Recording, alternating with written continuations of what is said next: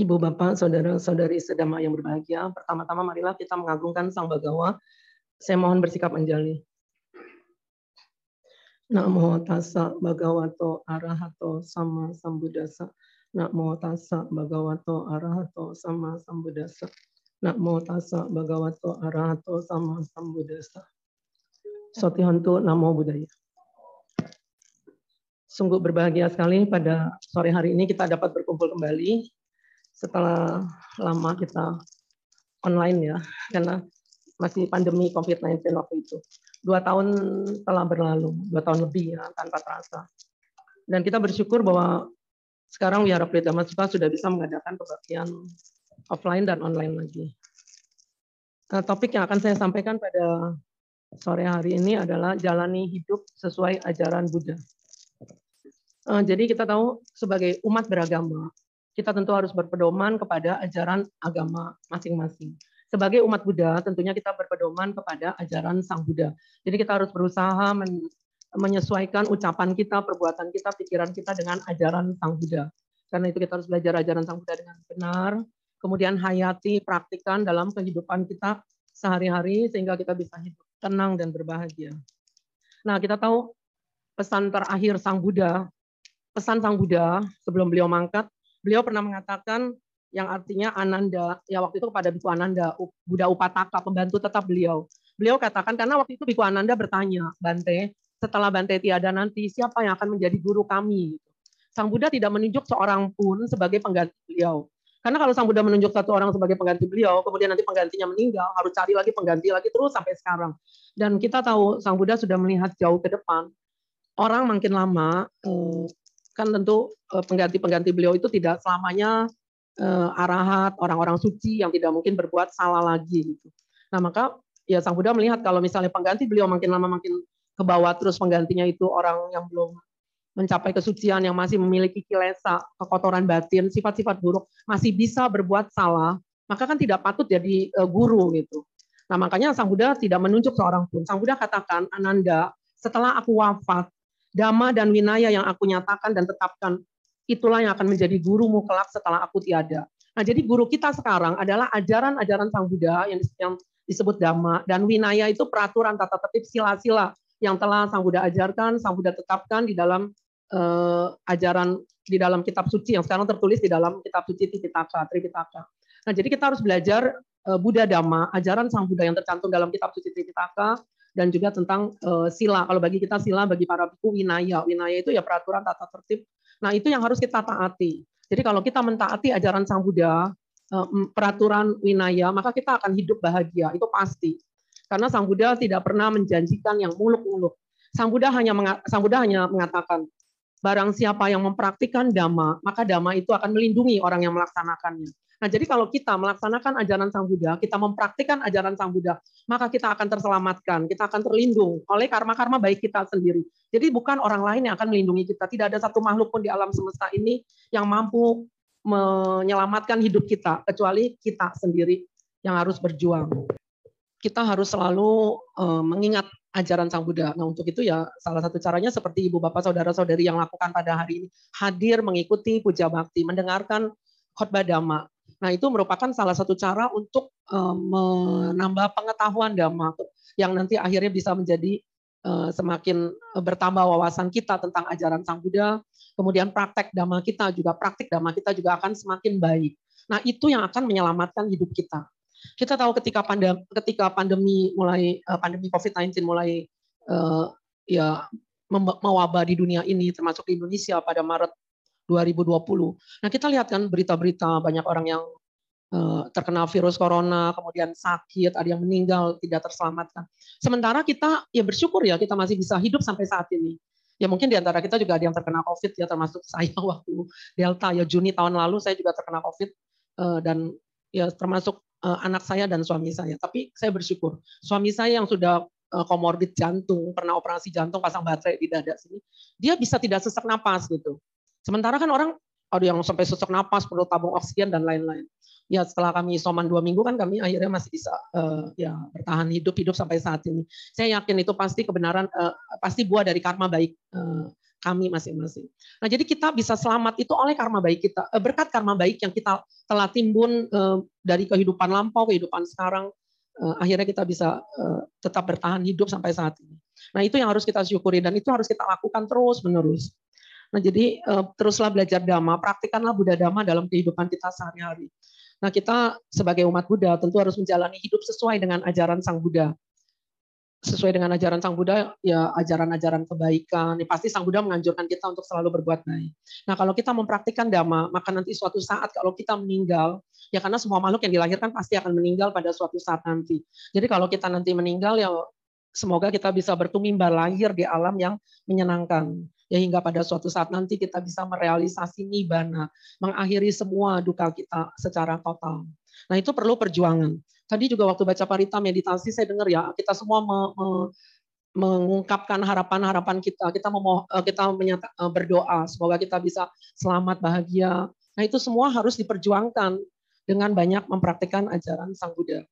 Nah ini dalam Sangiti Sutta Patika Waga di Ganikaya, Sang Buddha menjelaskan tentang jalan kehidupan yang akan kita tuju setelah kita meninggal nanti.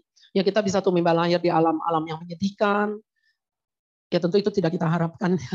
di alam neraka, alam setan, alam raksasa atau alam binatang. Nah, itu tentu kita tidak harapkan ya. Nah, tapi kita juga bisa bertumbuh lahir di alam manusia, di alam dewa, di alam Brahma atau juga merealisasi nibana. Tapi merealisasi nibana tidak mudah. Mungkin masih perlu uh, puluhan kali kehidupan lagi gitu. Kalau kita sekarang berharap meninggal langsung merealisasi nibana itu juga uh, rasanya masih sulit ya jauh. Karena kan kita masih memiliki banyak kilesa, kekotoran batin, sifat-sifat buruk kita. Yang penting sekarang kita kikis sifat buruk kita itu perlahan-lahan sampai suatu saat bisa lenyap. Nah ini ada jalan, ya umumnya kan pilihannya jalan menuju uh, kalau di, uh, saudara-saudara kita yang non Buddhis kan hanya dua ya sorga dan neraka gitu. Nah maka ini gambar juga di settingnya hanya sorga dan neraka. Jadi mau milih yang mana? Kalau sorga itu maksudnya alam-alam yang menyenangkan, kalau neraka ya tentu yang menyedihkan, yang penuh dengan penderitaan.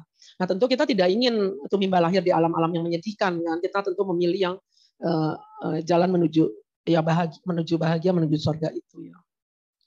Nah ini ada 31 alam kehidupan, tapi saya tidak cuplikan secara terperinci ya, cuman lihat kelompoknya aja yang paling bawah itu alam apa ya, apa ya bumi empat, alam yang menyedihkan itu ada empat, niraya itu alam neraka, peta itu alam setan, asura kaya itu alam raksasa asura, kemudian tiracana itu alam binatang. Nah itu empat alam yang tidak menyenangkan. Ya kita mungkin kita pernah tumimba lahir, kita mungkin pernah hidup di alam itu gitu. Dan kemudian berkat timbunan karma baik kita yang banyak, kita bisa terbebas dari alam apa ya, tumimba lahir sekarang di alam manusia ini. Nah, kehidupan sebagai manusia itu sangat berharga. Hargailah kehidupan kita, jangan sia-siakan hidup kita di alam manusia ini. Dan kemudian di atas alam manusia ada enam alam dewa. Eh, alam manusia dan dewa itu disebut kama, sugati, bumi, tujuh, tujuh alam yang eh, menyenangkan. Nah, tapi sebenarnya dibandingkan alam manusia dengan alam dewa, lebih enak alam manusia. Karena apa? Karena di alam manusia ini ada pembabaran dhamma. Kita bisa belajar dhamma ibu bapak saudara-saudari hari ini bisa hadir di sini, bisa mendengarkan dhamma. Nah itu keberuntungan lahir sebagai manusia. Kalau di alam dewa tidak ada yang mengajar Tripitaka. Jadi para dewa kalau mau belajar dhamma dia harus turun dari alam dewa datang ke wihara, ke tempat-tempat di mana ada pembabaran dhamma dan dia akan ikut mendengarkan. Kita bayangkan ya kalau dari alam dewa turun ke alam manusia kan jauh ya, mungkin transportnya juga mahal kali ya. Uh, ya maksudnya tapi mereka bisa terbang lah gitu. Tapi maksudnya kita bersyukur gitu. Jadi kalau kita tahu Wihara Pridama Suka sudah buka kebaktian offline ya cepat-cepat datang gitu. Dengarkan dhamma. Itu banyak manfaat dari mendengarkan dhamma. Jadi jangan sia-siakan kesempatan yang baik ini gitu. Dan kemudian di atasnya ada alam Brahma. Brahma itu alam Brahma itu sejenis dewa yang memiliki jana, memiliki kemampuan eh, konsentrasi yang kuat gitu. Nah, jana itu ada dua, rupa jana dan arupa jana. Jana yang bermateri, nah itu dimiliki oleh makhluk-makhluk yang berdiam di rupa bumi 16. Kemudian jana yang tidak bermateri yang disebut arupa jana itu dimiliki oleh makhluk-makhluk yang berdiam di arupa bumi empat. Tapi kehidupan di alam Brahma itu sangat panjang dan sebenarnya itu menghambat mereka untuk merealisasi nibbana. Karena mereka hidup di alam sana hanya menikmati kebahagiaan, tapi sulit untuk berbuat kebaikan lagi gitu. Mereka kalau mau dengerin dhamma aja susah, sana tidak ada yang mengajar dhamma. Nah, jadi kita lebih bersyukur sih sebenarnya di alam manusia ini banyak keberuntungan yang bisa kita lakukan. Nah, kemudian ini eh, kita lihat ada dua jalan, jalan ke kiri dan ke kanan. Tapi kita tahu jalan ke kiri itu sebenarnya jalan yang salah, tapi justru banyak orang yang menempuh jalan itu. Jalan ke kanan, jalan yang benar. Kita lihat cuma satu orang kan di situ ya. Jadi banyak yang salah jalan tapi merasa tenang gitu karena banyak temannya. Banyak teman yang sama-sama salah. Uh, tapi kita seharusnya jangan seperti itu, jangan mengikuti teman-teman yang salah gitu. Kita harus berani, beranilah untuk menjadi benar walau sendirian gitu. Tapi kalau bisa kalau kita sudah tahu itu benar, kita ajak teman-teman untuk ke jalan yang benar gitu menunjukkan jalan yang benar kepada orang tua, saudara-saudara, teman-teman itu satu karma baik. Nah, jadi jangan biarkan teman eh, melangkah di jalan yang salah. Saya ingat ya dulu waktu saya kuliah, dosen saya bilang gini, kalau kita melihat orang berbuat salah, kita diemin, berarti kita menyetujui orang itu berbuat salah. Nah, makanya setiap saya melihat ada kekeliruan, saya selalu memberitahukan gitu. Cuman kadang orang kan suka nggak mau dikritik gitu ya. Saya pernah kasih tahu orang, orang itu marah-marah gitu, emosi gitu ya ya akhirnya saya mengambil pelajaran lain kali kalau mau kasih tahu orang-orang ya harus hati-hati gitu ya memang saya sudah kata lemah lembut gitu ya tapi orang tetap nggak mau terima gitu padahal kita bisa maju kalau kita mau menerima kritik gitu. tapi memang saya ingat ya biksu Guna Sasana pernah bilang kritik bagaimanapun lembutnya tidak enak didengar di telinga jadi orang kadang tidak mau menerima kritik kita. Tapi gini, maksudnya kalau kita sudah kita tahu orang itu berbuat salah, kita kasih tahu. Kita sudah kasih tahu dengan lemah lembut, dengan tutur kata, gaya bahasa, dengan bahasa yang halus, lembut, dia tidak mau terima juga. Ya sudah, akhirnya kita lepas, kita UPK gitu. Jadi UPK artinya tenang seimbang. Karena kalau kita paksakan terus juga orang bisa marah, mungkin tidak suka pada kita, uh, akhirnya mungkin juga jadi ber, bisa bermusuhan kan. Mendingan kita lepas. Karena kita tahu Sang Buddha sendiri ketika beliau uh, membabarkan dhamma, kepada umat-umat. Beliau tahu ada satu umat misalnya yang berbuat salah ya. Itu apa? Salah satunya saya ambil contoh Cunda penjagal babi. Di zaman Sang Buddha yang nama Cunda ada dua orang. Satu Cunda penjagal babi yang berkelakuan tidak baik. Satu lagi Cunda seorang pandai besi yang memberikan dana makanan terakhir kepada Sang Buddha ketika Sang Buddha akan mangkat. Itu yang baik. Nah, saya akan ceritakan kisah Cunda penjagal babi yang berkelakuan tidak baik. Cunda ini tinggal di belakang wihara Sang Buddha. Dia Eh, sebelum eh, menjagal babi dia siksa babi itu. Dia berternak babi, kemudian setiap hari dia selalu ambil eh, satu ekor babi, dia siksa dulu sebelum dia potong, jadi diikat dengan diikat kedua kaki dan tangannya, kemudian dia bakar bulunya, dia masak air panas, dia siram ke mulut babinya itu supaya dagingnya enak katanya ya. Terus dia pukul-pukul pukul babi, babinya itu sampai udah sekarat, udah udah udah udah hampir meninggal, ya baru akhirnya disembeli gitu. Tiap hari seperti itu. Kemudian dagingnya dijual ke pasar.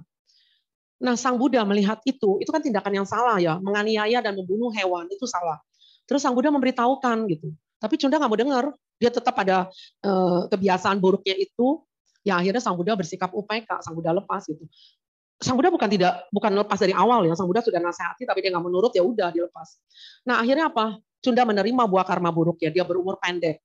Pada umur sekitar 40-an dia eh, sakit parah dan akhirnya meninggal. Jadi sebelum meninggal dia sakit selama satu minggu. Selama satu minggu itu dia bertingkah laku seperti babi. Jadi berjalan dengan kedua kaki dan tangannya makan seperti babi gitu ya. Eh, terus berteriak-teriak seperti suara babi gitu ya. Sampai istri dan anaknya malu menutup pintu dan jendelanya supaya orang nggak lihat. Ya tapi suaranya kan tetap terdengar oleh tetangga-tetangganya. Nah setelah itu akhirnya Cunda meninggal dan terlahir di alam neraka sebagai buah dari karma buruknya menganiaya dan membunuh hewan. Nah itu kan ya tindakan salah dari Cunda itu akhirnya dia sendiri yang menerima akibatnya bukan orang lain. Nah, tapi memang kita lihat memberi nasihat itu tidak mudah. Sang Buddha yang sudah suci, sudah arahat, sudah guru agung, memberi nasihat kepada Cunda aja Cunda tidak mau dengar gitu. Apalagi kita gitu ya. Nah, tapi bukan berarti kita lalu udah pasrah masa bodoh bukan ya. Kita tetap uh, perlu memberitahukan. Kalau sudah usaha memberitahukan tidak mau juga ya sudah kita bersikap UPK saja. Nah, kita lihat di sini kehidupan manusia sangat berharga. Ya. Sang Buddha mengatakan sangat sulit untuk lahir sebagai manusia. Banyak perumpamaan, ada penyu, kisah penyu buta yang berenang di samudra yang luas gitu ya. Nah, penyu aja berenang di samudra yang luas. Jadi lemparkan sebuah ring cincin dan penyu itu harus bisa mencari uh, ring itu cincin itu dan memasukkan ke lehernya di samudra yang luas. Kita bisa bayangkan betapa sulitnya kan. Nah, itu dikatakan masih lebih mudah dibandingkan lahir di alam manusia. Dan juga tentang uh, Sang Buddha pernah mengumpamakan juga kelahiran manusia itu sangat sulit, seperti sangat sedikit seperti debu yang ada di ujung kuku. Itu kan uh, Sang Buddha pernah ketika berada di hutan bersama para biku, di hutan yang berdebu, banyak daun daun-daun berterbangan. Nah, terus Sang Buddha bertanya kepada para biku, "Wahai para biku, debu yang ada di ujung kuku ini dengan yang ada di hutan ini mana yang lebih banyak?" Tentu yang di hutan lebih banyak, yang ada di ujung kuku Sang Buddha kan sangat sedikit. Nah demikian juga Sang Buddha katakan, manusia-manusia yang bisa, eh, orang makhluk-makhluk yang bisa terlahir di alam manusia ini sangat sedikit seperti debu yang ada di ujung kuku. Nah itu kan dikit banget gitu, tapi sebagian besar manusia, makhluk bertumbuh lahir di alam-alam apa ya gitu. Nah, jadi kita yang sudah terlahir sebagai manusia, hargailah kehidupan kita ini, ambillah manfaat yang sebesar-besarnya dari kehidupan kita ini, ambillah waktu ya, isilah waktu kita ini dengan kegiatan-kegiatan yang positif, yang bermanfaat. Sehingga nanti pada saat kita meninggalkan dunia ini, kita tidak menyesal. Sang Buddha pernah mengatakan, uh, buat ambillah setiap detik, setiap menit, setiap jam dalam hidupmu untuk melakukan kegiatan-kegiatan yang positif, agar kamu tidak menyesal pada saat meninggalkan dunia ini. Kita tahu waktu berjalan sangat cepat, lebih cepat dari busur panah yang dipanahkan. Nah, dulu tadi saya dijemput sama Sarwan. Sarwan bilang, Bu, anak ibu sekarang udah besar ya. Oh, udah. Dua-dua anak saya sudah uh, lulus kuliah, sudah kerja. Yang pertama di Taiwan, yang kedua di lagi tugas dokter. Dia baru tahun lalu lulus dokter internship di kota ND di NTT. Kata Sarwan, nggak kerasa ya Bu, eh kata Sabar tadi, nggak kerasa ya Bu ya dulu waktu datang ke biara masih kecil suka lari sana lari sini gitu. Ya. Karena anak saya waktu kecil, aduh terkenal kreatif banget. Kita nggak boleh bilang bandel ya, bilangnya kreatif. Karena kalau kita bilang bandel nanti benar-benar bandel gitu. Jadi kita ambil kata-kata yang positif, kreatif gitu ya. Ya anak kecil memang nggak bisa diem ya gitu. Jadi lari sana lari sini. Tapi kan kita tetap pantau sampai akhirnya bisa tumbuh. Ya sekolahnya juga saya perhatikan ya jangan sampai uh, kita lalai memperhatikan anak-anak kita. Akhirnya misalnya jadi gagal kan kita juga uh, jadi susah nantinya gitu. Jadi kita harus tetap memperhatikan anak-anak kita. Kalau kita sudah punya anak. Nah jadi itu itu jadi kita harus didik anak kita dengan baik. Nah jadi itu kehidupan yang sangat berharga sebagai manusia. Nah kita ya intisari ajaran Sang Buddha kan kita tahu ya tercantum dalam Dhammapada bab 14 ya ayat 183 sabab papa sakaranang janganlah berbuat jahat. Kusalah seupa sampada tambahlah kebaikan. Sacita parioda panang sucikanlah pikiran. Nah ini harus kita lakukan. Jadi kalau kita bisa menghindari kejahatan eh, melaksanakan pancasila Buddhis gitu ya kemudian banyaklah berbuat baik seperti mendengarkan eh, khotbah dhamma kemudian tadi ya petugas-petugas juga itu melakukan tugasnya di wihara ini eh, dalam puja bakti ini juga berbuat baik kan memimpin puja bakti eh, nyanyi jadi MC dan lain-lain. Kemudian nanti misalnya membantu ya menjaga kebersihan wihara tidak membuang sampah sembarangan itu juga sudah perbuatan baik. Jadi banyak cara untuk berbuat baik yang bisa kita lakukan. Jadi kalau misalnya saya oh sekarang misalnya kan seperti sekarang negara Sri Lanka kan lagi bangkrut ya. Jadi banyak kita galang dana untuk eh, membantu kirim obat dan lain-lain ke Sri Lanka Nah, mungkin saya dana uang misalnya nih, saya dana uang aja eh, nggak uh, sepertinya nggak sanggup karena saya buat makan aja susah gitu. Ya udah nggak apa-apa kita dana yang lain kita bisa berbuat kebaikan yang lain kok nggak harus dana uang gitu. Jadi kita berbuat baiklah sebatas kemampuan kita. Se, seperti ya sebatas apa yang bisa kita lakukan itu sudah karma baik. Kita mengembangkan pikiran-pikiran baik, kita mendoakan. Nah, misalnya kita tahu nih banyak saudara-saudara kita di Sri Lanka hidupnya susah. Nah, kita doain aja. Berdoa juga sudah satu karma baik. Karena berdoa kan berarti mengisi pikiran kita dengan hal-hal yang baik, mengembangkan kusala cita, itu perbuat pikiran baik. Nah, itu juga sudah satu karma baik. Jadi lakukan kebaikan dari yang kecil-kecil yang bisa kita lakukan itu itu sudah karma baik. Nah, jadi banyak cara untuk berbuat baik, oke? Okay? Nah, ini memang saya cuplikan dalam Dhammapada bab 8 ayat 110. Jadi walaupun seseorang hidup 100 tahun, zaman Sang Buddha kan rata-rata 100 tahun ya, tetapi memiliki kelakuan buruk dan tak terkendali, sesungguhnya lebih baik adalah kehidupan sehari dari orang-orang yang memiliki sila dan tekun bersama di. Ya tapi kita, tentu kita tidak berharap hidup hanya satu hari. Ya, ya tapi maksudnya eh, di sini pentingnya kita melaksanakan sila dan tekun bersama di itu yang akan membuat hidup kita bahagia. Gitu. Ya jangan sampai kita berkelakuan buruk gitu ya. Karena kan tapi saya bangga loh umat Buddha nggak nggak ada yang uh, dulu sih ya nggak ada yang jadi nap, masuk penjara gitu ya. Tapi sekarang ya penjara juga ada yang di Cipinang itu narkoba karena narkoba bukan karena kriminal ya. Jadi itu ada lapas uh, di Cipinang di mana setiap minggu ada khotbah dhamma ya. Dia dia ada cetia gitu ruangan kebaktian dan ada pembabaran dhamma. Ya tapi itu kan uh, jumlahnya juga kecil gitu ya. Jadi kita ya umat Buddha sih kebanyakan kan sadar akan ajaran Sang Buddha mempraktekkan dhamma kan ya. Nah, jadi kita uh, ya hindarilah kelakuan buruk, hindarilah perbuatan-perbuatan tidak baik. Ya. Nah, ini kita lihat banyak cara untuk berbuat baik. Nah ini melaksanakan Pancasila Buddhis tadi juga udah baca kan Pancasila Buddhis ya menghindari membunuh itu termasuk menghindari menganiaya dan membunuh makhluk hidup, menghindari mengambil barang yang tidak diberikan, menghindari berzina, berselingkuh, menghindari berbohong, menghindari mabuk-mabukan. Nah lima sila ini kalau bisa kita laksanakan aja itu sudah sangat bagus ya, karena sila inilah yang membedakan manusia dengan hewan. Jadi kalau kita fisiknya manusia tapi kita sudah melanggar sila, nah itu bisa disamakan seperti hewan gitu. Eh, tadi saya dengar eh, di TV juga khotbah dari Ustadz ya dia bilang kan sekarang hari raya kurban ya. uh, Idul Adha, dia bilang uh, bunuhlah uh, apa tuh uh, sifat kebinatangan katanya. Uh, apa kebinat sifat kebinatangan itu katanya ada dalam diri manusia. Jadi yang dibunuh itu bukan uh, makhluk hidup, uh, bukan bukan manusia kalau menurut mereka kan jadi bukan dibunuh manusia tapi bunuhlah sifat kebinatangannya itu yang harus kita bunuh ya maksudnya sifat-sifat buruk yang ada dalam diri eh, kita diri manusia itu yang harus dikikis eh, gitu sedikit demi sedikit sampai suatu saat bisa lenyap nah kemudian kita harus mengembangkan kusala kama patah 10 10 macam perbuatan baik ya eh, seperti mengembangkan cinta kasih meta cinta kasih kasih sayang karuna belas kasihan dan seterusnya Nah, jadi kembangkan pikiran-pikiran baik, pikiran yang penuh cinta kasih. Misalnya kita melihat orang yang lain susah, kita mau Eh, membantu bisa membantu dengan tenaga atau dengan doa juga bisa. Jadi kita mendoakan semoga yang sakit segera sembuh gitu. Atau kita baca parita. Itu juga ada webinar parit, uh, baca parita kesembuhan gitu ya. Kita ikut juga itu satu karma baik. Gitu. Nah kemudian kita memiliki hiri dan otapa. Hiri dan otapa itu adalah dasar dari pelaksanaan sila. Jadi kalau kita punya hiri rasa malu untuk berbuat jahat, kan kita akhirnya tidak jadi melakukan kejahatan kan. Kemudian punya otapa, rasa takut akan akibat dari perbuatan jahat. Jadi kalau kita tahu nih saya berbuat salah, berbuat uh, jahat, saya mencuri, nanti kalau ketahuan saya akan dilaporkan ke polisi dan lain-lain. Kan malu akhirnya tidak jadi melakukan kejahatan. Jadi dengan membayang kita dengan mempunyai rasa malu dengan membayangkan akibat buruk yang akan kita alami akhirnya kita tidak jadi melakukan kejahatan kan? Nah itu bagus. Jadi punyailah kiri dan otapa kemudian mengembangkan maha kusala cita delapan yang pikiran-pikiran yang maha baik seperti berdana. Berdana itu tidak hanya dana uang ya, dana nasihat juga bisa. Jadi kalau ibu bapak saudara-saudari tahu nih saudara kita ada yang sedang stres gitu ya. Nah kita menghibur, menghibur, memotivasi, membangkitkan semangat hidup. Nah itu sudah satu karma baik, itu termasuk berdana. Dana dama itu termasuk eh, dana dama atau dana juga bisa berupa pemberian maaf, abaya dana. Jadi kalau ada orang, ada orang lain berbuat salah pada kita, kita memberikan maaf, itu sudah termasuk aba, melakukan abaya dana. Jadi tidak menyimpan dendam di hati, tidak benci pada orang yang telah berbuat salah pada kita, tidak menyumpah-nyumpahin dia agar dapat celaka. Nah itu kita sudah berbuat satu karma baik, melakukan abaya dana.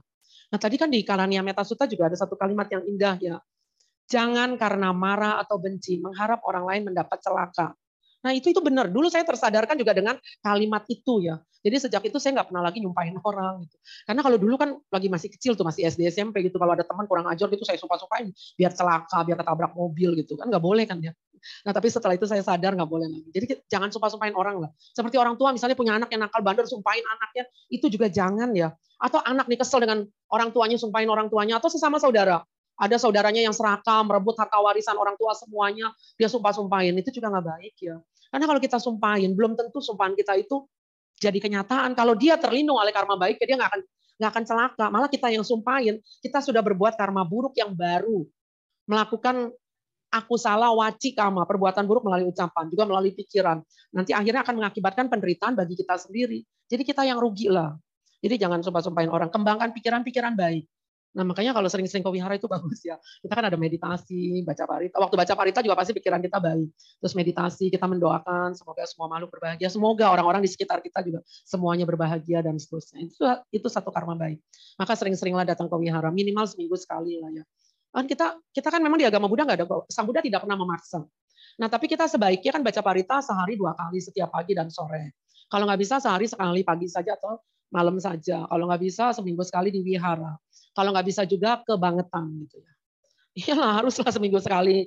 Saya salut ya saudara kita yang muslim tuh sehari sholat lima waktu. Sembayang lima kali mereka. Yang benar-benar agamis tuh bagus banget gitu ya. Nah jadi kita jangan lupa untuk ya jadikan ikut kebaktian itu sebagai satu uh, kewajiban gitu. Tapi jangan jadi beban beban gitu ya. Tapi itu maksudnya ke kebahagiaan lah. Saya bisa, oh iya nih sebentar lagi nomor Sabtu nih, saya mau datang ke wiara, saya mau berbuat baik. Nah itu kan bagus gitu. Nah, jadi berdana, belajar dhamma, mendengarkan dhamma itu perbuatan baik. Nah, kalau sudah mengerti dhamma, ibu bapak saudara-saudari bisa mengajarkan dhamma kepada orang-orang yang membutuhkan. Mengajarkan dhamma nggak harus khotbah di depan seperti saya. Jadi memberi nasihat kepada saudara-saudara kita, teman-teman kita, itu sudah satu karma baik. Kepada orang tua, itu juga bagus sekali. Nah, kan Sang Buddha katakan, jasa orang tua amat besar. Seorang anak menggendong orang tua. Di kedua pundaknya, mama di pundak kanan, papa di pundak kiri selama 100 tahun. Jasa orang tua masih belum terbalas. Nah, cara terbaik membalas eh, cara terbaik berbakti pada orang tua dengan apa? Ya dengan mengajarkan dhamma. Tapi harus lihat waktunya, tempatnya. Ada anak-anak bilang, Bu, saya ngajarin dhamma kepada papa mama saya. Dibilang kurang ajar, Bu. ya kamu harus lihat waktunya lah. Jangan papa baru pulang kerja langsung diceramain, ya marah. Tunggu waktu istirahat, ngobrol-ngobrol gitu ya. Nah itu itu satu karma baik. Tapi anak saya dulu kan sekolah juga gurunya ngajarin gitu. Dia pernah bilang, Ma, kan mama udah ngerti dhamma, kok Dede mana bisa ngajarin dhamma lagi ke mama. saya bilang, ya berbakti sama orang tua kan gak harus dengan ngajarin dhamma, ya bisa dengan cara lain juga gitu ya. Ya itu banyak cara lah ya untuk berbakti kepada orang tua. Nah kemudian kita lihat lagi kan kita, tadi kan uh, kita harus suka eh, melaksanakan sila dan suka bermeditasi ya. Nah, meditasi ini juga penting karena meditasi meditasi sebenarnya merupakan perbuatan baik yang paling tinggi. Karena apa? Karena dengan meditasi kita bisa mereal, uh, mencapai tingkat kesucian tertinggi, mengakhiri duka dan merealisasi nibbana. Kita tahu Buddha Gotama mencapai kebudaan itu dengan meditasi wipasana bawana di bawah pohon bodhi di hutan Gaya. Nah, kita juga harus suka bermeditasi. Dan meditasi sangat berguna dalam kehidupan sehari-hari ya. Bisa mengatasi stres, dan kita tahu sekarang meditasi juga mulai dipraktekkan oleh umat-umat yang non-Buddhis. Nah, maka kalau kita yang beragama Buddha, di mana di ajaran Sang Buddha sudah ada, ada ajaran meditasi, kita tidak mau mempraktekkan, itu sayang banget gitu. Jadi kita harus suka bermeditasi. Ya, kalau kita meditasi udah jangan haraplah dapat jana. Eh, yang penting kita bisa hidup tenang. Itu salah satu cara. Salah satu manfaat dari meditasi adalah bisa mendewasakan batin. Kita bisa memiliki batin yang dewasa, tidak mudah cengeng ketika kita menghadapi berbagai kesulitan hidup, tidak mudah emosi ketika kita menghadapi hal-hal yang tidak uh, menyenangkan gitu. Ya minimal kan kita bisa tabah, bisa tegar menghadapi duka gitu. Itu hasil dari meditasi. Nah, maka kita harus suka bermeditasi. Kita tahu uh, kematian bisa datang kapan saja. Ini waktu berapa minggu yang lalu saya kaget baca berita anak dari ketua STAB Nalanda, Bapak Mulyadityo, itu meninggal anak keduanya. Umur 17 tahun gitu. Terus saya tanya sakit apa Pak? Ternyata sakit tumor di batang otak. Kalau di batang otak memang tidak bisa dioperasi, itu susah. Biasanya kalau tumor udah di batang otak agak sulit. Saya ingat dulu Bante Atapio juga meninggal juga karena tumor di batang otak. Waktu saya datang ke Wiara Mendut pas liburan lebaran itu pas Bante Atapio baru datang dari Malaysia. Dokter di Malaysia tidak bisa tidak mau mengoperasi. Nah, akhirnya kan gak lama kemudian Bante Atapio meninggal. Nah, itu kalau tumor di batang otak ya memang eh, parah gitu ya. Nah, makanya kita harus jaga. Mungkin kalau anak-anak muda tumor dari sering lihat HP kali ya, main game itu radiasinya ke ke otak kali ya. Makanya kita harus jaga gitu. Eh, jadi kalau mau panjang umur sehat ya harus jaga eh, pola hidup eh, yang sehat. Eh, lakukan pola hidup yang sehat. Ya kalau HP jangan terlalu sering lihat. Tapi kalau kita kerja memang sekarang tapi udah lumayan lah sekarang udah offline lagi laptop udah nggak terlalu kemarin kan ngajar saya jadi guru juga ngajar online juga pakai laptop terus yang gitu ya ya ya tapi ada harus ada istirahatnya lah ya supaya nggak terlalu radiasinya nggak terlalu kuat ke mata ke bagian kepala kita ya. Oke. Okay. Nah ini saya cuplikan ya. Ini di antara peserta meditasi ini ada satu seseorang yang Muslim ya. Dia bisa meditasi dengan tenang tuh. Lihat aja wajahnya kan cukup tenang ya.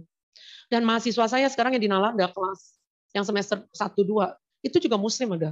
Dan ada yang sudah sampai lulus juga Muslim juga. Nah itu udah bagus sekarang yang Muslim udah mau belajar agama Buddha. Mau kuliah di STAB Nalanda, nah, itu bagus banget ya. Nah maka kita umat Buddha juga harus selalu termotivasi untuk mempraktekkan ajaran Sang Buddha. Oke, nah banyak cara untuk berbuat baik. Ini saya cuplikan juga cara salah satu cara yang paling mudah yaitu memberi hormat. Memberi hormat itu juga sebenarnya tidak sulit ya. Dalam Manggala Sutta, Sutta khotbah tentang 38 berkah utama. Nah, itu Sang Buddha eh, jelaskan salah satunya adalah puja ca puja nianang etang menggalam utama. Menghormat mereka yang patut dihormati itulah berkah utama. Jadi Eh, kita bisa menghormat mereka yang patut dihormati itu perbuatan baik. Berkah itu perbuatan baik, berkah utama ya, perbuatan baik yang tinggi ya. Nah, orang yang patut kita hormati siapa? Ya Buddha, Sang Buddha. Ya, setiap umat Buddha yang memiliki keyakinan yang kokoh kepada Sang Buddha, setiap melihat uh, rupang Buddha atau gambar Buddha itu minim, selalu memberikan penghormatan, minimal menatap dengan penuh bakti. Atau kalau lantainya bersih kita bernamaskara atau beranjali saja juga bisa. Gitu. Seperti kalau ke Candi Borobudur gitu. Kita kan sebanyak rupang Buddha ya, kita beranjali, kita udah beranjali sambil menganggukkan kepala. Itu kita sudah berbuat baik gitu. Nah, jadi eh, banyak cara untuk berbuat baik. Kepada anggota sangga, para biku, setiap Anda melihat para biku, eh, sama Nera, atas silani, kita bertemu, kita beranjali sambil menganggukkan kepala, itu kita sudah berbuat baik. Kepada orang tua, kepada guru, kepada orang yang lebih tua, kita menghormat, kita berbuat baik. Eh, itu itu sudah perbuatan baik. Jadi banyak cara untuk berbuat baik seperti di Indonesia kan dicanangkan 5 S ya. Senyum, salam, sapa, sopan, santun. Nah, itu kan perbuatan baik. Nah, itu itu sekarang diterapkan di sekolah-sekolah. Jadi anak-anak murid harus mempraktikkan itu. Jadi tersenyum pada eh, teman-temannya, pada bapak ibu gurunya, memberi salam, menyapa, selamat pagi, selamat siang. Kemudian bersikap sopan, santun. Nah, itu itu karma baik yang tinggi ya. Dan saya salut ya, sejak pandemi COVID-19 itu kan orang udah nggak salaman lagi, semuanya sikap anjali. Itu kan sebenarnya dari uh, ajaran Sang Buddha berlaku universal, benar kan? Berlaku terhadap siapa saja. Jadi sikap anjali itu memang bagus banget, jadi tidak bersentuhan langsung. Uh, itu bisa menjaga kesehatan kan ya. Oke. Okay. Nah, kemudian dalam Sigala Wada Sutta juga kan Sang Buddha uh, uraikan kewajiban dalam keluarga ya, kewajiban suami terhadap istri, istri terhadap suami, kemudian kewajiban anak kepada orang tua, orang tua kepada anaknya. Nah, dengan melakukan kewajiban-kewajiban itu maka akan tercipta keluarga yang hitaya, sukaya, keluarga yang sejahtera dan bahagia. Tadi dalam meditasi saya dengar ada kan semoga terbentuk keluarga yang harmonis gitu. Nah, memang kita ingin uh, ter, uh, tercipta keluarga yang harmonis di lingkungan rumah kita masing-masing. Eh, kita bisa hidup rukun dengan seluruh anggota keluarga, saling menyayangi, saling membantu, saling menolong. Nah itu kan satu hal yang baik ya. Dengan adanya keluarga yang harmonis, maka dewa-dewa juga betah di rumah kita gitu. Tapi kalau kita di rumah sering berantem gitu ya, bertengkar, suami istri sering bertengkar, anak-anak kurang ajar pada orang tua dan seterusnya, itu dewa-dewa pasti akan pergi dan akhirnya ganti makhluk peta yang ada di rumah kita makhluk setan. Nah, akhirnya kan jadi auranya juga nggak bagus kan itu. Nah, maka kembangkan cinta kasih, kasih sayang di ya terutama di lingkungan keluarga kita dulu. Uh, suami harus menyayangi istri, makanya harus saling percaya antara suami istri, jangan ada uh, bohongnya di antara mereka, jangan berselingkuh dan seterusnya. Terus orang tua harus memperhatikan anak-anak, uh, merawat anak-anak dengan baik gitu ya, penuh kasih sayang. Karena kan ya kita berharap kita bisa kumpul lama gitu. Tapi kalau seperti kayak tadi Pak Mulyadityo, anaknya tiba-tiba meninggal. Nah, itu kan akhirnya perpisahan datang gitu. Nah, kalau tapi kalau kita sudah ketika kita masih berkumpul kita sudah membina hubungan yang baik, sudah hidup saling menyayangi, maka ketika perpisahan itu datang ya tidak terlalu sedih lah ya. Karena tidak ada yang disesali gitu. Tapi kalau kita sebagai orang tua telah melalaikan tugas dan tanggung jawab kita kepada anak-anak kita, ketika anak kita sakit kemudian meninggal, kita pasti menyesal kan. Aduh, dulu kenapa waktu anak masih hidup saya telantarin gitu. Nah, tapi kalau kita sudah melakukan kewajiban dengan baik, kita tidak akan menyesal. Demikian juga anak-anak. Kalau anak-anak sudah berbakti kepada orang tua, sudah melakukan tugas dengan baik kepada orang tua, memperhatikan orang tua, maka ketika orang tua meninggal juga kita tidak akan terlalu sedih kan. Tidak terlalu menyesal gitu. Ya memang eh, perpisahan itu harus akan datang pasti. Nah, ini juga dalam salah satu sutta kita lihat ya. Next. Nah, kita pernah melihat ya Sang Buddha suatu ketika dalam satu perjalanan eh, di tengah jalan Sang Buddha melihat ada setumpukan tulang-tulang dan tengkorak-tengkorak. Tengkorak manusia dan tulang-tulang. Nah, Sang Buddha berhenti eh, di, di antara eh, berhenti di, di dekat tumpukan tulang dan tengkorak itu lalu Sang Buddha memberikan penghormatan bernama Skara lagi. Nama Skara loh. Nama Skara itu berarti ya di jalanan kan agak kotor ya, tapi Sang Buddha nama Skara. Berlutut bersujud dengan lima titik menyentuh lantai. Sang Buddha bernama Skara di depan tumpukan tulang-tulang tersebut. Kenapa? Karena tulang-tulang itu ya bisa saja itu ayah ibu sang Buddha di kehidupan yang lampau gitu. Ya, sang Buddha umpamakan ya, umpamakan tulang-tulang yang berserakan itu itu tumpukan dari eh, tulang-tulang orang tua kita di kehidupan-kehidupan yang lampau. Nah, jadi sang Buddha bernama sekarang kepada orang tuanya. Itu kan itu perumpamaan ya, itu tumpukan tulang itu perumpamaan orang tua gitu. Jadi sang Buddha bernama sekarang kepada orang tuanya yang sudah uh, meninggal uh, dikremasi, jadi tulang-tulangnya itu yang nampak sekarang. Gitu. Nah, jadi itu perumpamaan dari orang tua Sang Buddha. Nah, kita lihat di jalanan saja ketika Sang Buddha melihat tulang tengkorak itu, Sang Buddha bisa bernama sekarang. Nah, apalagi kalau ada orang tua kita di dalam rumah kita, kita pergi pulang tidak pamit, nah itu kan salah. Eh, pergi tidak pamit, pulang tidak menyapa, nah itu salah. Bisa menimbulkan kesalahpahaman. Dan itu sangat beresiko ya. Mertua itu juga termasuk orang tua ya kita anggap sebagai orang tua. Dulu ada seorang umat Buddha ya, seorang pemuda Buddhis menikah dengan seorang seorang wanita, kemudian mereka tinggal bersama orang tuanya, orang tua uh, cowok ya, mamanya masih hidup, papanya sudah meninggal. Mamanya diajak tinggal di ya, ya itu memang rumah mereka sebelumnya memang anak laki-laki ini tinggal bersama mamanya. Jadi ketika menikah istrinya diajak masuk ke rumah itu gitu. Tapi istrinya ini sangat tidak uh, tidak menjalin hubungan yang baik dengan mamanya. Jadi dia pergi pergi kerja pergi aja gitu, nggak menyapa. Pulang kerja langsung masuk ke kamarnya aja gitu. Nah pernah kejadian istrinya ini pulang duluan mungkin karena kurang enak badan jadi minta izin pulang duluan siang-siang gitu. Pas pulang dia langsung masuk kamar, masuk kamar. Terus kan dia buka eh, kunci dari depan dia buka, terus dia masuk kamar dia lupa cabut kuncinya itu gitu. Nah terus mamanya mertuanya lihat eh kok ini kamar nggak dikunci. Dia pikir takut nanti ada ada ada orang yang masuk mengambil kunci merampok rumahnya makanya mamanya kunci mamanya juga tanpa melihat dalam ada orang atau tidak langsung dia kunci itu pintu dia cabut kuncinya gitu Itu sebenarnya salah paham sih ya. Nah, karena kurangnya komunikasi kan. Nah, akhirnya istrinya di dalam itu setelah tidur mungkin dia terbangun mau ke WC gitu. Dia buka pintu, eh kok dikunci dari luar gitu. Dan dia langsung berpikiran negatif. Dia menuduh mertuanya jahat, kunciin dia gitu. Tanpa uh, punya pikiran yang baik gitu. Nah kemudian dia telepon suaminya, di handphone suaminya, dia bilang, tuh mama kamu kurang ajar ya, saya dikunciin di dalam ya. Bilang mama kamu bukain pintu kata. Nah akhirnya mungkin anak lakinya telepon mamanya, mamanya bukain pintu dan mamanya minta maaf loh. Oh sorry mama nggak tahu kamu udah pulang. Mama kira kamu belum pulang gitu. Tapi langsung menantunya itu marah sekali dan menuntut cerai pada suaminya. Ya akhirnya bercerai juga memang, cuman sayang banget gitu ya. Nah itu itu karena kurangnya komunikasi, makanya anak-anak harus Ya makanya saya bilang anak-anak harus hormat pada orang tua, orang yang lebih tua, ya iya orang yang lebih tua. Mertua itu termasuk orang tua juga ya kalau sudah menikah itu dianggap sebagai orang tua juga. Jadi menantu ya harus menghormati mertua seperti orang tua sendiri gitu. Nah jadi kita ya kita sapa senyum senyum salam sapa menyapa kan nggak nggak rugi lah. Itu gampang kok sebenarnya bisa kan. Kita pulang cari mama terus kita mah saya udah pulang gitu. Udah Maya saya capek saya mau istirahat ya udah masuk kamar. Kalau udah panggil mamanya mamanya nggak akan salah paham kan. Ya mama mertuanya nggak akan salah paham. Salahnya dia langsung masuk kamar tanpa tanpa menyapa orang uh, mertuanya itu ya salah juga menantunya itu kan ya mudah-mudahan tidak terjadi di, di antara kita gitu ya oke okay. nah ini saya ya pertegas lagi bahwa anak-anak harus berbakti kepada orang tua kata nyuk atau wedi. Jadi menyadari pertolongan yang diberikan dan berusaha membalas budi jika ada kesempatan. Kita harus hormat dan patuh kepada orang tua kita. Hormat berarti kalau pulang panggil orang tua. Itu hormat, eh, patuh, eh, dengarkan nasihatnya, ikuti nasihat-nasihat yang baiknya. Kemudian ya kita harus berusaha membahagiakan orang tua, memperhatikan kebutuhan orang tua.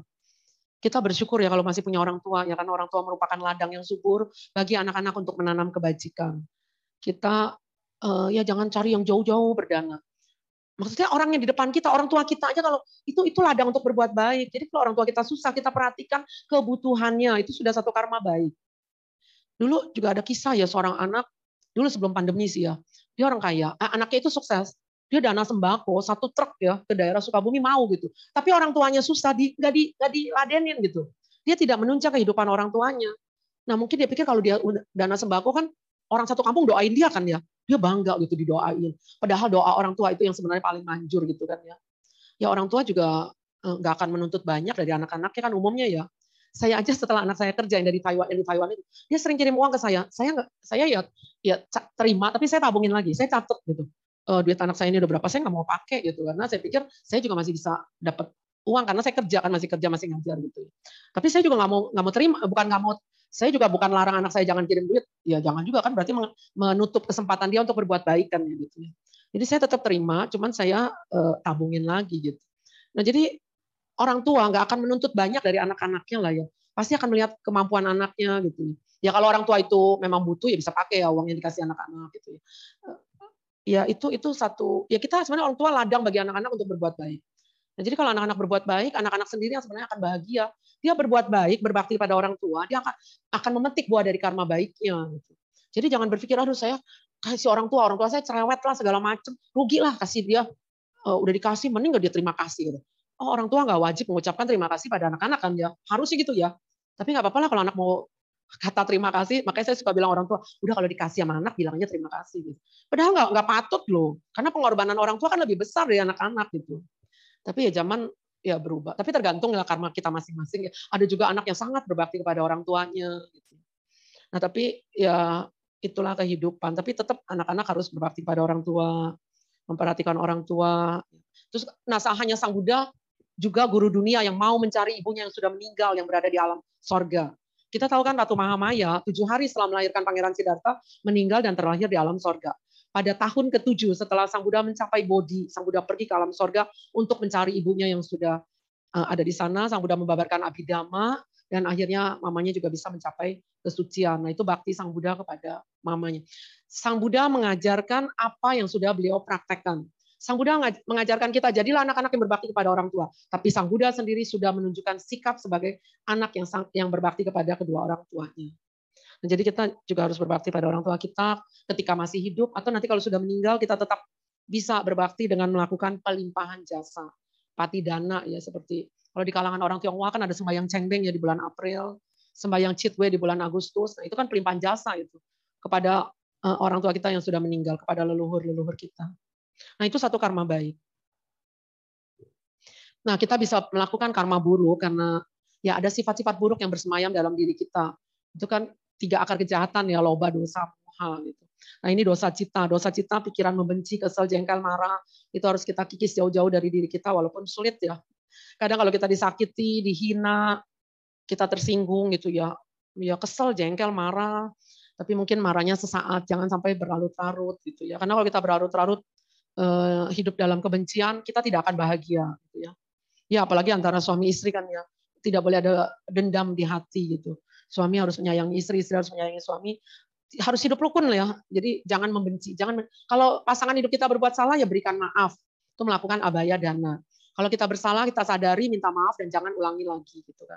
Terus anak-anak juga jangan benci orang tua, ya itu nggak boleh.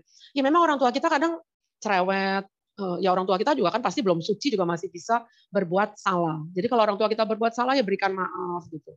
Demikian juga kalau anak-anak berbuat salah orang tua berikan maaf. Jadi saling memaafkan itu kunci kebahagiaan juga dalam rumah tangga. Nah jadi jangan eh, lakukan perbuatan-perbuatan buruk yang berdasarkan dosa, misalnya membunuh, bicara kasar, mendendam dan lain-lain. Kemudian yang berdasarkan loba dan moha. Nah kita lihat berdasarkan loba, serakah, eh, melekat, kemelekatan juga termasuk loba ya. Kan loba itu eh, dosa, kalau beda loba dengan dosa, kalau loba timbul karena adanya objek yang menyenangkan. Jadi melekat kepada hal-hal yang menyenangkan itu loba. Tapi kalau dosa timbul karena adanya objek yang tidak menyenangkan, yang tidak disukai. Gitu. Nah kalau loba terbalik, jadi kita melihat hal-hal yang indah timbul nafsu ingin memiliki, itu itu nafsu keinginan rendah, senang pada kenikmatan duniawi, ya seperti orang berselingkuh, nah itu kan sangat tidak baik. Eh, nafsu serakah, berpandangan salah juga termasuk eh, timbul dari loba. Kemudian dari moha, ya pikiran bodoh, ragu-ragu, gelisah. Kalau kita masih gelisah terus, ya, malam mau tidur masih gelisah terus, berarti kita masih moha ya. Gelisah itu udaca, nah, itu harus dikikis gitu. Kan Sang Buddha katakan kita harus bisa hidup saat ini. Jadi kembangkan pikiran eh, kita hanya pada apa yang sedang kita lakukan saat ini. Jangan sesali apa yang telah terjadi, karena kita tidak mungkin kembali ke masa lalu dan mengubah peristiwa yang sudah terjadi di masa lalu kan ya. Kalau sudah terjadi ya sudah. Kalau kita pernah berbuat salah di masa lalu, ya sadari aja, saya sudah berbuat salah ya sudah. Kita itu kesalahan itu nggak bisa hapus kok. Cuman juga jangan terlalu menyesali, nggak ada gunanya gitu. Yang penting sadari, oh ya saya udah berbuat salah, ya udah saya bertekad tidak akan mengulangi lagi kesalahan itu pada masa-masa mendatang. Yang penting sekarang saya jalani hidup saya mulai hari ini dengan uh, kebaikan, dengan sesuai ajaran Sang Buddha, gitu. praktekan dhamma. Nah terus supaya agar hari ini bisa menjadi kenangan yang indah bagi uh, masa lalu. Kemudian hari esok juga jangan terlalu disesali. Hari esok belum terjadi gitu. Kita nggak tahu apa yang akan terjadi. Kita boleh punya cita-cita, tujuan, harapan yang sebaik mungkin untuk masa depan kita. Kemudian berusaha melakukan langkah-langkah ke arah tercapainya masa depan kita itu. Kalau tercapai bagus, kalau enggak ya udah lepas aja gitu. Jadi jangan melekat. Nah ini saya cuplikan terakhir ya kata eh, dari Buddha. Memang Buddha bagus ya. Sang Buddha katakan, saya tidak bisa membawa seseorang pun, membawa seorang pun di pundakku dan membawanya ke tujuan akhir kata Sang Buddha ya. Tidak seorang pun dapat menggendong orang lain ke tujuan akhir. Tujuan akhir maksudnya nibbana. Setiap orang harus berjalan sendiri. Harus mengayunkan tiap langkah pada jalan itu sendiri. Dia dia yang telah mengayunkan satu langkah pada sang jalan berarti berada satu langkah lebih dekat dengan tujuan. Ya dengan tujuan kalau kita mau melangkah kan udah lebih dekat dengan tujuan. Dia yang telah mengayunkan 100 langkah berada 100 langkah lebih dekat dengan tujuan. Dia yang telah mengayunkan segenap langkah pada sang jalan berarti telah mencapai tujuan akhir. Kamu sendirilah yang harus berusaha, yang harus berjalan pada jalan itu.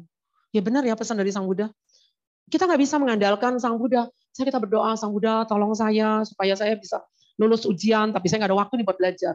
Bisa nggak? Nggak bisa.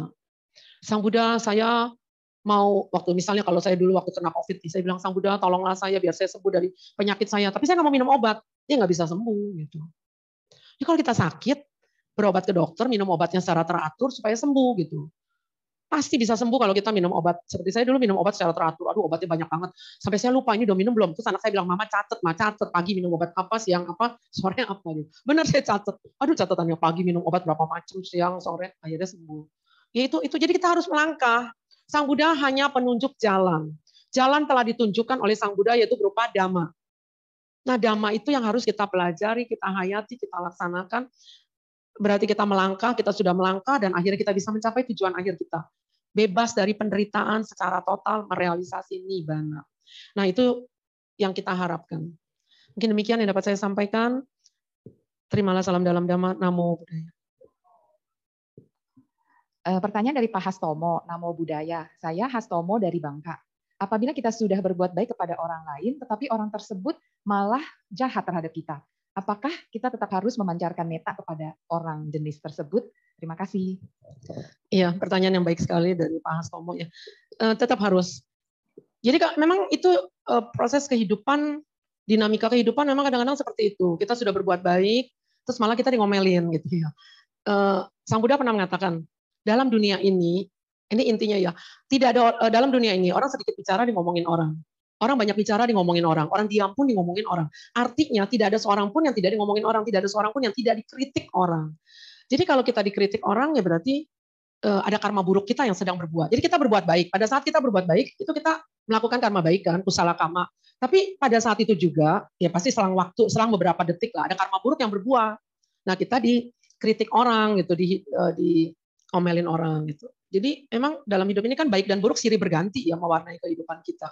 Dulu juga ada pernah ya ibu-ibu yang aktif di wihara, dia sering bantu di dapur gitu, masak buat para biku, buat umat-umat juga kan karena setelah kebaktian ada makan mungkin minggu keempat kali ada makan siang bersama gitu. Eh malah ibu itu katanya dia bilang dia ngadu dia cerita sama saya bu saya udah berbuat baik ya saya bantu bantu wihara eh malah saya ngomelin bu bodoh lu kamu mau bantu wihara segala macam. Saya bilang ibu jangan dengerin ngomongan orang Ibu berbuat baik, ibu bantu wihara itu ibu berbuat baik. Udah berbuat baik ya udah pasti karma baik itu akan berbuah uh, hal yang berbuah hal yang manis untuk ibu gitu. Kalau orang ngomelin oh ibu, terus ibu kesel, ibu balas lagi, nah, akhirnya ibu melakukan karma buruk jadinya. Sama seperti Pak Hastomo, pertanyaan dari Pak Hastomo. Jadi kalau Pak Hastomo sudah berbuat baik, kemudian masih dicela orang, ya nggak apa-apa, biarin aja gitu. Uh, pada saat Pak Hastomo berbuat baik, itu melakukan kusala kama. Tapi kemudian dicela orang, berarti ada karma buruk dari Pak Hastomo yang berbuah pada saat itu. Ya pasti ada selang waktu, nggak mungkin sama ya, pasti ada selang waktu eh, beberapa menit kemudian gitu ya.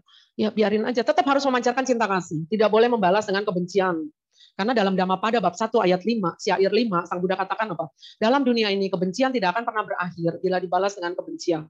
Tetapi kebencian akan berakhir bila dibalas dengan cinta kasih. Inilah satu hukum yang abadi. Nah, jadi kalau kita berbuat baik, kemudian kita dikritik orang, dicela orang, kita tetap harus memancarkan cinta kasih kepada orang itu. Ya, kita berharaplah semoga orang itu suatu saat bisa sadar, tidak mencela saya lagi, tidak mencela orang lain juga. Nah, kalau orang itu bisa mencela saya, mungkin dia juga bisa mencela orang lain. Gitu. Nah, jadi kita pancarkan cinta kasih, mendoakan semoga orang itu bisa sadar, bisa tidak lagi melakukan kesalahan, baik terhadap saya maupun orang lain, gitu ya, supaya dia bisa bahagia, gitu. Jadi kita mendoakan semoga ia bahagia dengan menyadari kekeliruannya dan dengan tidak melakukan kesalahan lagi. Nah, jadi nggak boleh membalas dengan kebencian, dengan kejahatan lagi. Misalnya dia itu orang kurang ajar, aduh saya benci banget. Itu nggak boleh. Kita nggak boleh nggak boleh punya pikiran buruk, eh, pikiran benci, kesel, eh, pikiran ingin mencelakakan orang itu. Karena kalau kita punya pikiran tidak baik, berarti kita melakukan karma buruk yang baru, yang akhirnya akan mengakibatkan penderitaan bagi kita. Kita yang rugi lah. Sekarang dalam hidup ini kita kan kita kan sudah bosan ya hidup menderita. Pasti kan ada kesulitan-kesulitan penderitaan yang sudah kita alami sampai saat ini. Nah, kita kan sudah bosan, kita ingin bebas dari penderitaan. Nah, tapi untuk bebas dari penderitaan, untuk bahagia itu bukan hadiah dari siapa pun, itu harus kita perjuangkan. Jadi kalau kita ingin bahagia, banyaklah berbuat baik. Kita tidak ingin menderita, hindari perbuatan jahat gitu. Pasti hukum karma itu adil. Yakinlah tidak ada penderita, uh, tidak ada perbuatan buruk yang sia uh, yang tidak memberikan akibat buruk bagi pelakunya.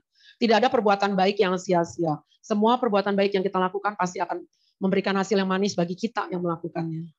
Saya sudah merasakan berkah manfaat dari kebaikan yang kita lakukan. Ya seperti saya punya anak-anak yang yang lumayan lah ya orang-orang bilang ibu hoki lu bu orang anak orang lain belum tentu seperti anak ibu gitu.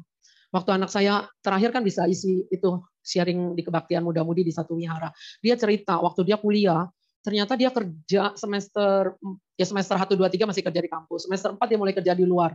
Kampus dia di gunung, di Kaohsiung ya, di, itu di gunung. Dia kerja di kota, naik kereta api bawah tanah, MRT itu 45 menit kereta api. Terus itu ya dia kan siang pulang kerja jam shift jam 3 sampai jam 9 malam. Dia bilang dia kerja demi meringankan beban orang tua. Saya dengar itu saya sempat terharu gitu. Nah dia bisa prihatin gitu ya, bisa berjuang mau sampai kuliah selesai S1, S2 gitu. Dan akhirnya sekarang dia bisa kerja, eh, kerja di, di perusahaan yang lumayan gitu. Kemudian anak kedua saya yang dulu kuliahnya juga males, dia lebih suka main game gitu. Tapi saya pernah waktu besoknya mau ujian, hari ini masih main game gitu. Saya sampai bilang, Dek, belajar deh, besok ujian. Eh malah dia balasnya apa? Mama ngomong lagi, Dede sengaja nggak mau lulusin, Ma. Saya kaget. Saya kaget sejak itu saya diem. Saya nggak mau nasehatin dia, tapi saya baca parita terus, mengembangkan pikiran-pikiran baik. Saya ya mendoakan semoga anak saya bisa punya tetap semangat, punya semangat belajar, eh, mau serius kuliah biar bisa lulus gitu. Ternyata ya akhirnya saya bersyukur dia bisa lulus dokter gitu, karena kuliah kedokteran itu berat banget. Nah tapi untung dia yang mau juga gitu. Tapi waktu semester satu aja dia pernah ngomong, mah dede mau pindah jurusan. Saya kaget. Saya pernah diamin. Terus yang kedua dia ngomong lagi, mah dede mau pindah jurusan. Saya bilang, dek itu pilihan dede kan. Dia diam. Sejak itu dia nggak pernah ngomong lagi. Nah jadi kita orang tua mungkin juga jangan terlalu memaksakan kehendak kita pada anak-anak. Kita tetap membimbing, memotivasi, mendoakan ya mendoakan dari belakang, ya, tetap berdoa untuk anak-anak kita. Terus saya juga waktu itu usaha hubungin itu dosen PA-nya ya pembimbing akademik anak saya. Saya WA terus, saya bilang tolong motivasi anak saya agar mau belajar gitu ya. Dan itu anak saya nggak tahu, saya WA eh, dosen pembimbing akademiknya. Dan akhirnya terakhir dia bilang ke anak saya, doa mama, doa orang tua itu sangat ampuh gitu. Nah akhirnya dia percaya. Terakhir belakang dia mau tiap kali mau ujian dia bilang, ma doain ya ma. Ya saya tahu dia udah belajar gitu. Saya tetap doakan. Kita berdoa bukan minta supaya dia bisa lulus tanpa belajar. Ya saya berdoa semoga anak saya mendapatkan kemudahan di dalam uh, ujian itu. Mudah-mudahan soal yang keluarnya itu yang kebetul yang memang sudah dia pelajari gitu. Kan bisa aja kan materi banyak nih. Dia belajar ternyata yang ujian itu soalnya bukan dari bukan yang dia pelajari gitu kan bisa juga gitu. Nah makanya saya bantu doa supaya soal-soal ujian yang keluar itu ya mudah-mudahan yang memang sudah dikuasai oleh anak saya ini. Kalau ujian praktek itu kan juga dosennya kan beda-beda ya dengan teman-temannya. Mudah-mudahan dia dapat dosen yang yang yang penuh cinta kasih gitu ya, yang tidak yang bisa um, menilai presta, uh, ujian apa kerja anak saya ini memang baik gitu. Karena pernah juga waktu ujian uh, praktek itu jantung ya. Dia bilang, "Mah, dia udah pasangnya alat-alatnya semua udah bener, tapi kok nggak lulus gitu." Sedangkan temennya kayaknya pasangnya biasa-biasa aja lalu lulus gitu. Karena pernah waktu ujian praktek satu kali jantung ya dia nggak lulus waktu itu. Jadi akhirnya ulang lagi praktek jantungnya itu. Ya itu kan berarti tergantung dosen pengujinya kan Iya tergantung karma juga gitu. Ya jadi kita berdoa berharap sih boleh juga ya, tapi harus dengan pengertian yang benar. Bahwa doa kita bisa terkabul atau tidak itu tergantung dari karma kita juga gitu.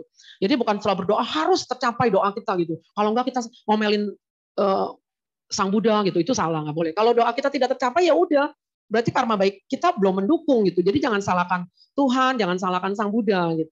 Nah itu berarti doa dengan pengertian yang benar. Gitu. Mungkin demikian terjawab kali ya pertanyaan Pak Hastomo. Terima kasih host. Saya Upacarika Mewah dari Kota Tangerang, Ramani. Uh, saya mau tanya ini Ramani, tadi saya ingin menanyakan kesinambungan karma itu terhadap orang tua dan anak. Tapi ada satu contoh yang cukup kuat gitu antara Raja Bimbisara dan Raja Sata satu sampai selanjutnya. Ternyata uh, mereka saling membunuh gitu. Uh, yang ingin saya tanyakan di sini larinya ke Jana aja, Ramani.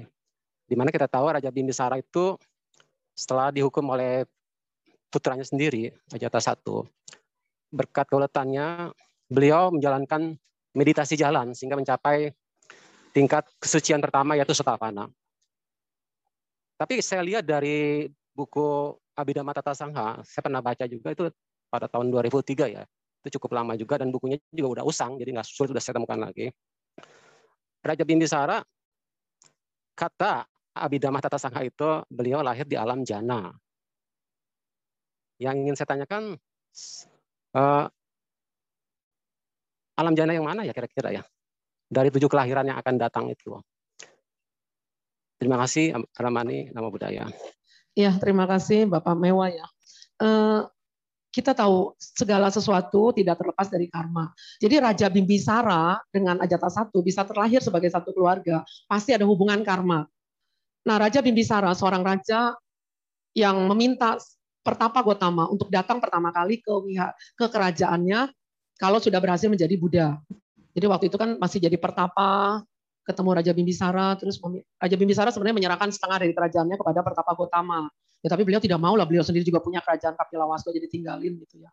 Nah terus pesan nanti kalau jadi Buddha datang pertama kali gitu. Dan akhirnya memang Sang Buddha datang pertama kali dan mendapatkan sumbangan wihara pertama setelah beliau jadi Buddha itu dari Raja Bimbisara, wihara Weluwana di kota Raja Gaha. Nah Raja Bimbisara ini setelah itu kan mendengarkan dhamma dari Sang Buddha, sebenarnya Raja Bimbisara ini sudah mencapai kesucian pertama Sotapana sebelum dicelakai oleh Ajata satu anaknya sendiri. Nah, jadi waktu itu anaknya itu salah bergaul. Jadi Ajata satu ini bergaulnya dengan Piku Dewa Data. Dewa Data ini kan sangat Piku Dewa Data ini kan benci pada Sang Buddha. Nah, sehingga dia juga benci pada orang yang mendukung Sang Buddha. Orang yang mendukung Sang Buddha seperti Raja Bimbisara. Karena Biku Dewa Data mencoba berkali-kali mencelakai Sang Buddha, membunuh Sang Buddha, tidak bisa, makanya akhirnya dia melalui eh, melalui Ajata satu ini gitu. Jadi dia Biku Dewa Data menghasut Ajata satu untuk membunuh ayah kandungnya karena ayah kandungnya itu Raja Bimbisara itu mendukung uh, sangat membantu Sang Buddha gitu.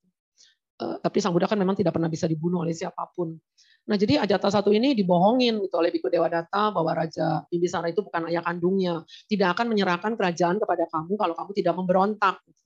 Nah, akhirnya Ajata satu berontak gitu, berontak, uh, tapi gagal sebenarnya gitu. Nah, terus akhirnya ayahnya tanya, sebenarnya apa yang kamu inginkan? Ajata satu bilang, saya ingin kerajaan. Kalau ayah benar menyayangi saya, serahkan kerajaan ini kepada saya sekarang juga. Terus Raja Bimbisara bilang, oh itu ya iya, saya ayah akan serahkan sekarang juga. Ayah akan turun dari tata kerajaan dan kamu bisa menjadi raja sekarang juga. Nah setelah Jata satu menjadi raja, ternyata dia mengucapkan terima kasih kepada ayahnya dengan memasukkan ayahnya ke dalam penjara. Dan seterusnya kan kita tahu kan di penjara disiksa, nggak dikasih makan, walaupun ibunya sembunyi-sembunyi bawa makanan, tapi ketahuan dilarang, dilarang terus. Dan ter nah ayahnya karena sudah suci, sudah sotapana, maka walaupun tidak uh, dapat makanan, dia bisa bermeditasi. Jadi ayahnya Raja Bimbisara itu di penjara itu dia meditasi. Meditasi dengan meditasi itu kan bisa menahan lapar, bisa tidak bisa tidak uh, lapar walaupun tidak makan berhari-hari. Nah tapi uh, tapi setelah itu Ajata satu lihat kok ayahnya nggak meninggal meninggal ya.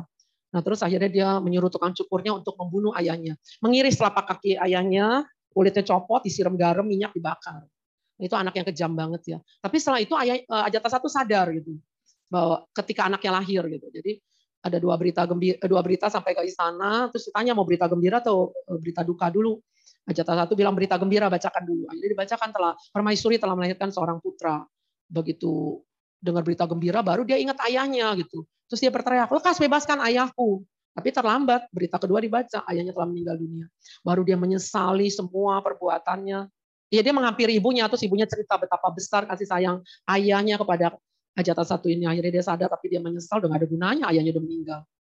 Jadi waktu malah waktu ibunya mengandung Ajata satu, para peramal sudah meramalkan bahwa sang bayi ini kelak akan menjadi musuh besar ayahnya. Terus kan ibunya langsung ingin menggugurkan kandungan, tapi ayahnya yang nggak kasih. Terus begitu lahir di kelingkingnya ada bisul. Raja Bibisara sedang rapat, anaknya nangis terus. Terus dia meninggalkan rapat, dia gendong Ajata satu, dia isap itu eh, bisulnya sampai pecah, di mulut Raja Bimbisara dan ditelannya demi cinta kasihnya kepada anaknya.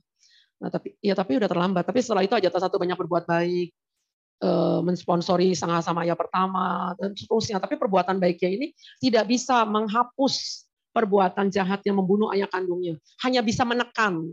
Itu kalau di karma namanya upah uh, upagataka kama kama penekan. Jadi upa upa tambaka upa pilaka upa pilaka kama yang menekan jadi perbuatan baik menekan perbuatan buruknya sehingga perbuatan buruknya tidak berbuah full 100% tapi berbuahnya misalnya 70% tetap si Raja Jatuh satu terlahir di alam neraka tapi bukan neraka awici kalau neraka awici kan neraka yang eh, karena melakukan lima perbuatan neraka membunuh ibu kandung membunuh ayah kandung, membunuh seorang arahat, melukai sang Buddha, memecah belah sangga.